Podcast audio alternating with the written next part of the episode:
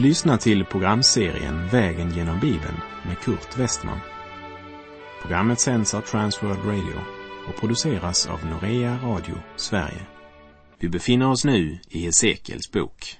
Slå gärna upp din bibel och följ med. Vi har kommit till det åttonde kapitlet hos profeten Hesekiel och därmed till den andra avdelningen av den här profetboken. Den andra avdelningen omfattar kapitlen 8 till och med kapitel 24. När vi vandrar genom den här delen av Hesekiels bok så ska vi höra Herren säga att de bedriver så vidriga ting i Herrens hus att Herren måste lämna sin helgedom. Kapitlet talar inte bara om nationens generella förfall men speciellt om de religiösa ledarnas dubbelliv. Det är inte bara folket på gatan som lever i avgudsdyrkan och ogudaktighet. Men även i Herrens tempel var det människans lust, tidsandan och avgudsdyrkan som präglade aktiviteterna. Och i en syn uppenbarar Herren Jerusalems och templets synd och ogudaktighet för profeten Hesekiel. Och det sker drygt ett år efter att han fick sin kallelsesyn som vi läste om i det första kapitlet. För Hesekiel har ju bland annat först demonstrerat Guds budskap genom att ligga på ena sidan i 390 dagar och på andra sidan i 40 dagar innan synen i kapitel 8 inträffar. Som vi läste i Hesekiel 1, vers 2 och 3 så fick Hesekiel sin kallelsesyn i det femte årets fjärde månad och femte dag medan det vi nu ska läsa om i kapitel 8 till och med 11 sker det sjätte årets sjätte månad och femte dag, alltså 14 månader senare. I kapitel 8 får Hesekiel i en syn se Herrens härlighet.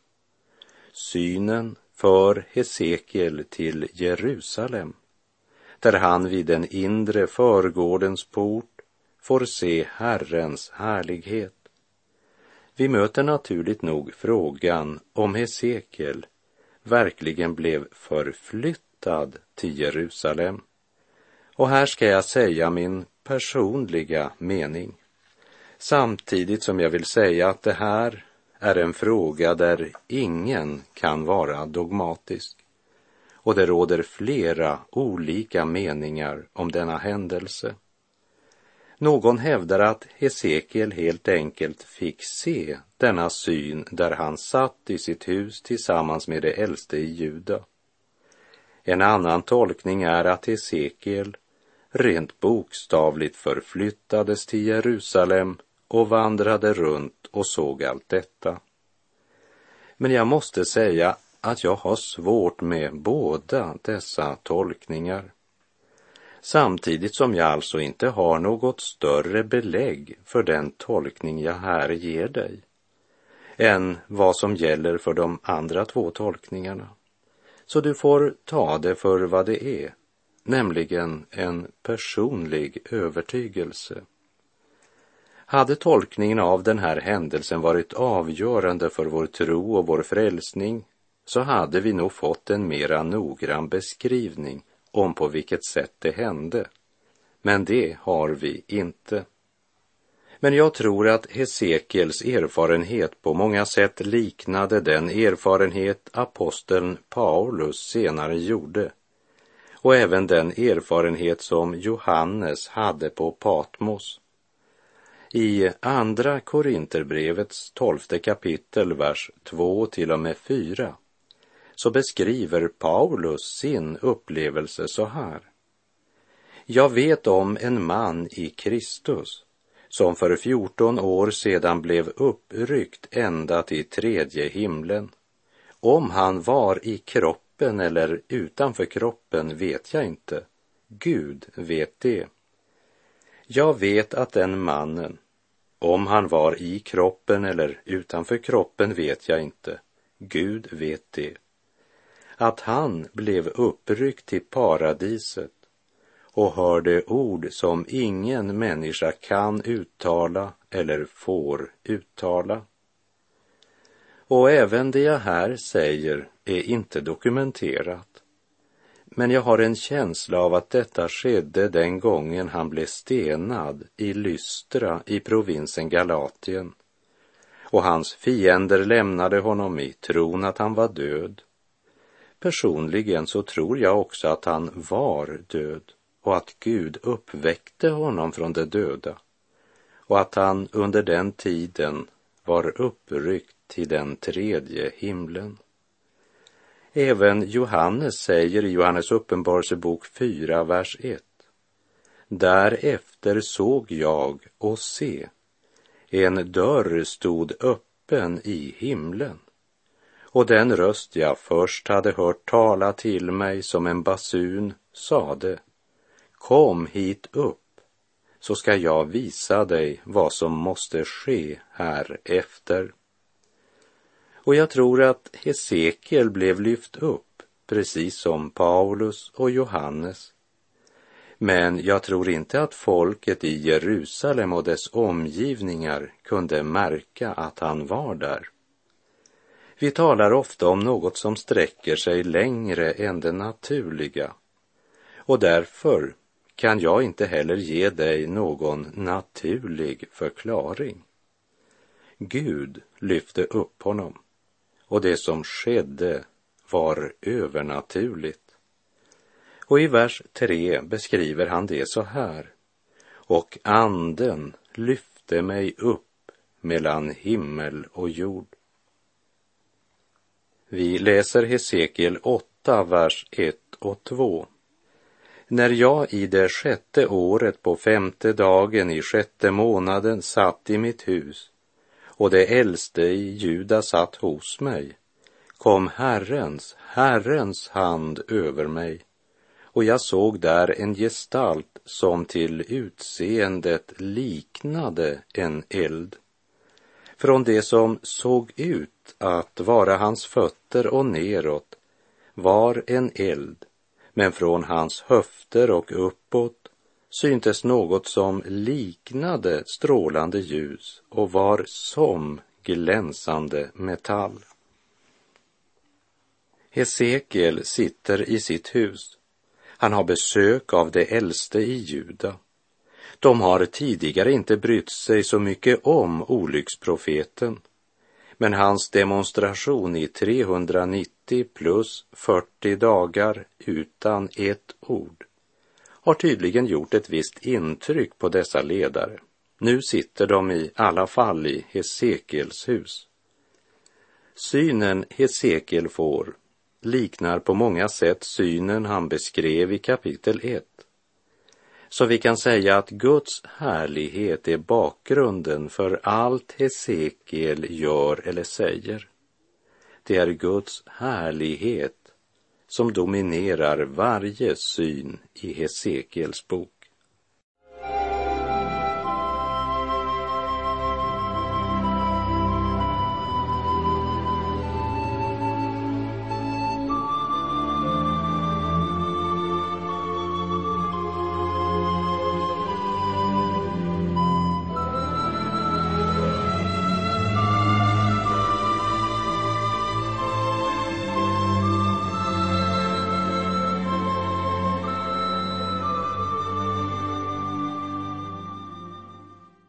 När vi nu kommer till vers 3 så läser jag även vers 2 en gång till för sammanhangets skull. Lägg märke till definitionen liknade och såg ut som. Vi läser Hesekiel 8, vers 2 till och med 4. Och jag såg där en gestalt som till utseendet liknade en eld från det som såg ut att vara hans fötter och neråt var en eld.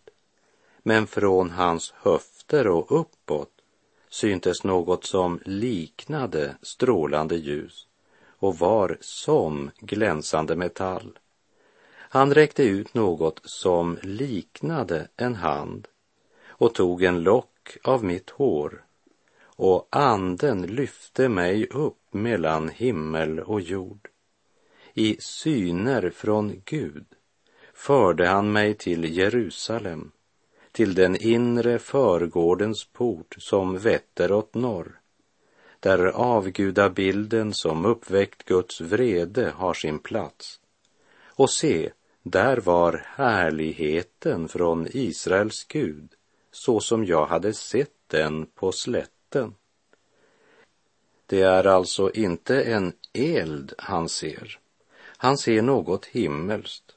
Och när han ska försöka hitta ett jordiskt föremål för att sätta ord på det han ser så säger han, jag såg där en gestalt som till utseendet liknade en eld. Han säger uppåt syntes något som liknade strålande ljus. Det finns inga jordiska ord som kan beskriva det himmelska. Det är på grund av detta som Paulus i Romarbrevet 6.19 säger För er mänskliga svaghets skull använder jag en så enkel bild. I en annan översättning är versen översatt så här. Jag väljer en mänsklig bild med tanke på er mänskliga otillräcklighet. Hesekiel har inte heller något annat än jordiska föremål att jämföra med. Och så väljer han det föremål som liknar mest på det han ser i sin syn. Liknade, såg ut, var som och så vidare. Anden lyfte mig upp mellan himmel och jord. Hesekiel lyftes helt enkelt upp och blev förflyttad till Jerusalem. Om även hans kropp blev förflyttad sägs inte. Och det har inte heller någon betydelse för det som skriften vill uppenbara för oss om den helige Gud och syndens konsekvens. Men så långt jag kan se av sammanhanget så förblev hans kropp i huset där han hade det äldste i Juda på besök. Samtidigt handlar det om något mer än bara en syn. Hesekiel säger att han blev upplyft mellan himmel och jord. Det vill säga, Hesekiel blev i anden tagen upp ovan jordens stoft och grus. När det i vers 3 talas om avgudabilden som uppväckt Guds vrede, så är det möjligt att det refererar till avgudabilden som Manasse hade låtit uppföra i templet och som vi läste om i Andra krönikebokens 33 kapitel. Kanske hade avgudabilden gömts undan i något hörn och glömts för en tid för att sedan dammas av och åter hamna centralt i templet under Hesekels tid. I Hesekiel kapitel 8 till och med 10 läser vi om hur Herrens härlighet gradvis, steg för steg lämnar templet och Israel. Jag tror att Guds härlighet faktiskt lämnade Israel redan under Manasse regering och att det är det Gud nu uppenbarar för Hesekiel. Jag är klar över att de flesta bibelkommentarer menar att Guds härlighet lämnade Israel vid den tid då det första fördes bort i fångenskap, men jag tror inte att det är korrekt. Om inte härligheten lämnade Israel under Manasses tid så kan jag inte se någon annan period i Israels historia som kunde vara orsak till att Herrens härlighet lämnar dem. Kapitel 8 ger inte någon fullständig beskrivning av hur och när Herrens härlighet väck bort. Här ser vi Herrens härlighet och sedan, eftersom folket inte vände om till Gud, så tas härligheten bort från templet, bort från land och folk. Och i kapitel 10 ska vi se hur Herrens härlighet slutligen viker. Jag tror inte att vi efter Manasse regering kan se något som stadfäster närvaron av Herrens härlighet i templet. Och denna syn gav Herren åt Hesekiel för att uppenbara sin barmhärtighet och nåd. Med avsky måste Herren lämna det hus som uppkallats efter hans namn. Han hade gång på gång varnat sitt folk och kallat dem till omvändelse. Men istället för att vända om sjönk de allt djupare i sin synd. Gud är kärleken. Gud är barmhärtig och nådig, men han är också rättfärdig och han kan inte tillåta synden förtära människorna och hela skapelseverket. Gud är rättfärdig och han dömer synden. Och när Hesekiel ser Herrens härlighet talar rösten igen. Vi läser Hesekiel 8, vers 5. Han sade till mig, du människobarn, Lyft upp dina ögon mot norr. När jag lyfte mina ögon mot norr fick jag vid själva ingången, norr om altarporten, se den avgudabild som hade väckt Guds vrede. Guds tempel hade orenats. Man kom till templet, men det var hedendom som präglade samlingarna där. Köttet och tidsandan regerade, kamouflerade i religiös dräkt. Och nu säger Gud till Hesekiel, lyft upp dina ögon, det vill säga lägg märke till vad som sker. Och vi läser vers 7 och 8. Sedan förde han mig till förgårdens ingång och där fick jag se ett hål i väggen han sade till mig, du människobarn, bryt igenom väggen. Då bröt jag igenom den och fick nu se en dörr. Han sade till mig, gå in och se vilka onda vidrigheter det bedriver här. Herren uppmanar profeten att se bakom fasaden. Guds helige ande uppenbarar här för Hesekiel vad som verkligen sker bakom templets glittrande fasader. Och vad ser han då? Vi läser vers 10 och 11. När jag kom in fick jag se alla slags bilder av vidriga kräldjur och fyrfotadjur, liksom Israels folks alla avgudar inristade runt omkring på väggarna. Man tillbad det skapade framför skaparen. Högaktuella ord i en tid som är så kroppsfixerad och där sexuell omoral och våld är underhållning. Förblindade av denna tidsålders Gud blir det som Paulus skriver i Romarbrevet 1 vers 21 och 22. Fastän de kände till Gud prisade de honom inte som Gud eller tackade honom, utan förblindades av sina falska föreställningar så att mörkret sänkte sig över deras oförståndiga hjärtan. De påstod att de var visa, men det blev dårar. Kom ihåg när du läser Hesekiel 8.10 att det är i Herrens tempel han ser all denna vedervärdighet.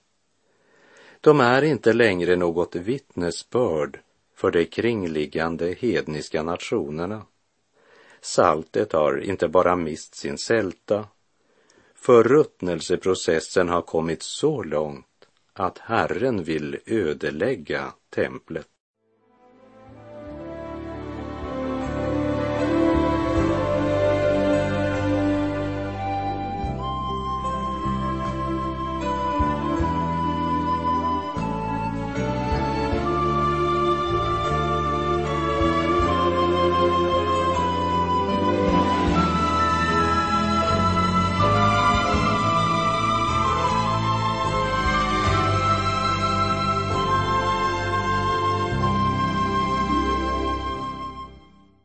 Herren hade visat Hesekiel att templets väggar var fyllda av avgudabilder som inristats där.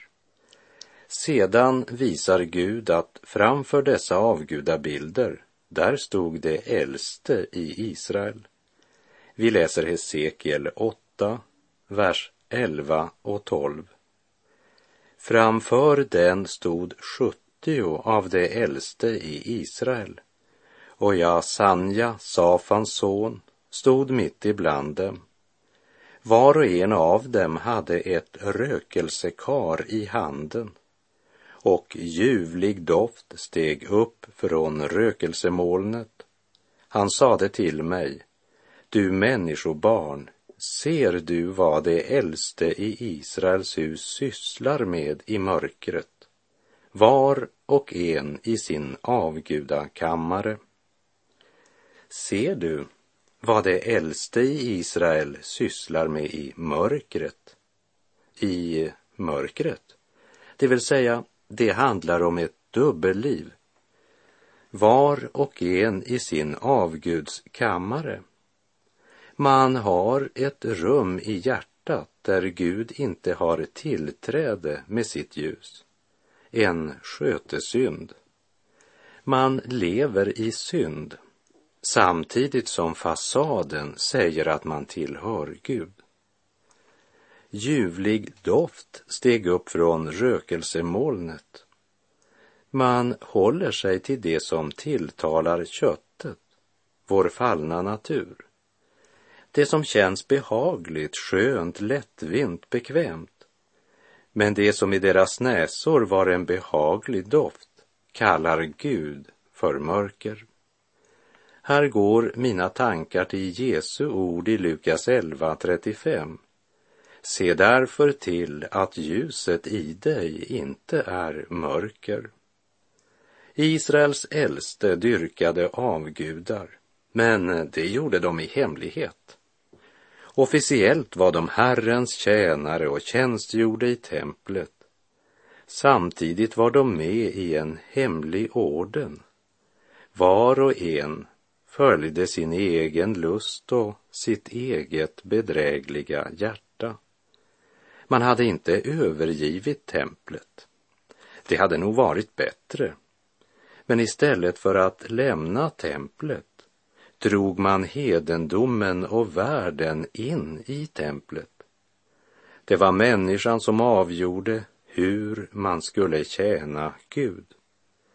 Hesekiel var uppenbart chockad över vad han såg, men då säger Herren.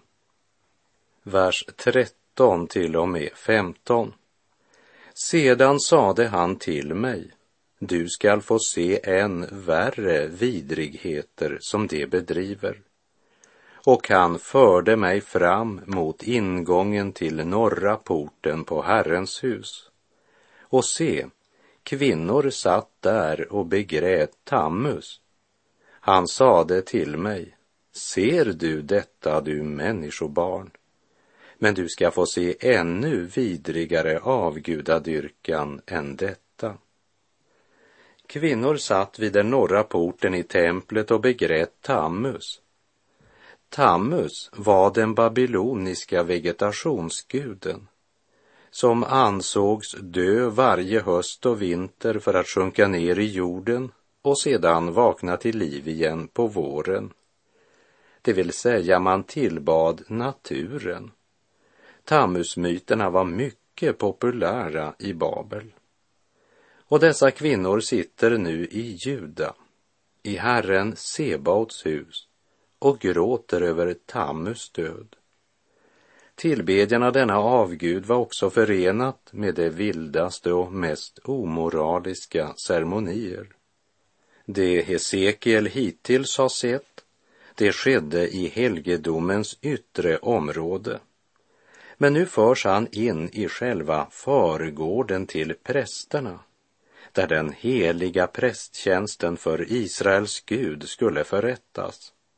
Och här blir Hesekiel i vers 16 vittne till hur 25 män vänder ryggen mot Guds altare och böjer sig för solen.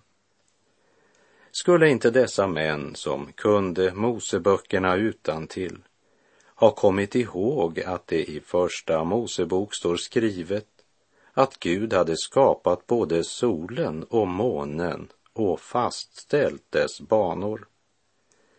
I vers 17 uppenbarar Gud för Hesekiel att ledarna och folket i Juda fyller landet med våld och väcker än mer Guds vrede.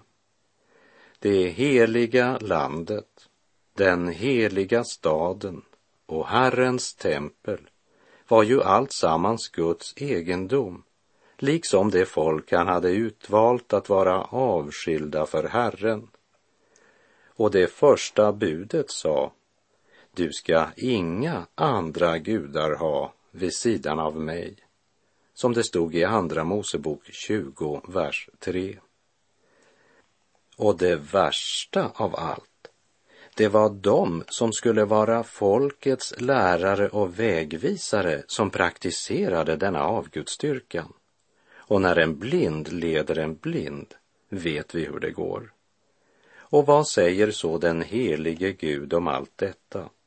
Vi läser Hesekiel 8, 8, vers 18.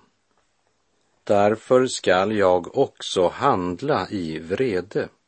Jag skall inte skona dem och inte ha något förbarmande. Även om det ropar högt i öronen på mig skall jag ändå inte lyssna till dem. Israel hade överträtt den ena gränsen efter den andra, trampat på Guds heliga vilja och valt synden. Och nu har de sjunkit så djupt de kan sjunka. Nu återstår bara Guds dom. Kära vän som lyssnar.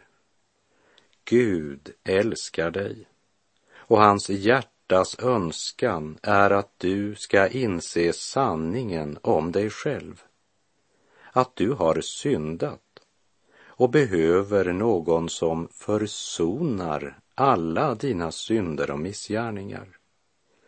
Så högt älskar Gud dig att han utgav sin enfödde son för att du, om du tror på honom, inte ska gå förlorad utan få evigt liv. Var klar över att Gud dömer synden, men han vill så gärna frälsa syndaren om han får. Men till himlen det ej tvingas, det blott i klockan ringes. Lev i ljuset. Lev i syndernas förlåtelse. Lev i helgelse och Guds fruktan. Guds gåva är evigt liv i Kristus Jesus, vår Herre. Må Herrens välsignelse vila över dig just nu. Gud är god.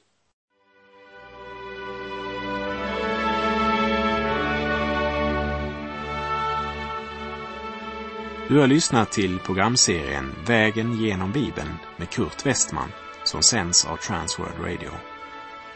Programserien är producerad av Norea Radio Sverige. Om du önskar mer information om vårt radiomissionsarbete så skriv till Norea Radio Sverige, box 3419 103 68 Stockholm. Adressen är alltså Norea Radio Sverige box 3419. Postnumret 10368 Stockholm.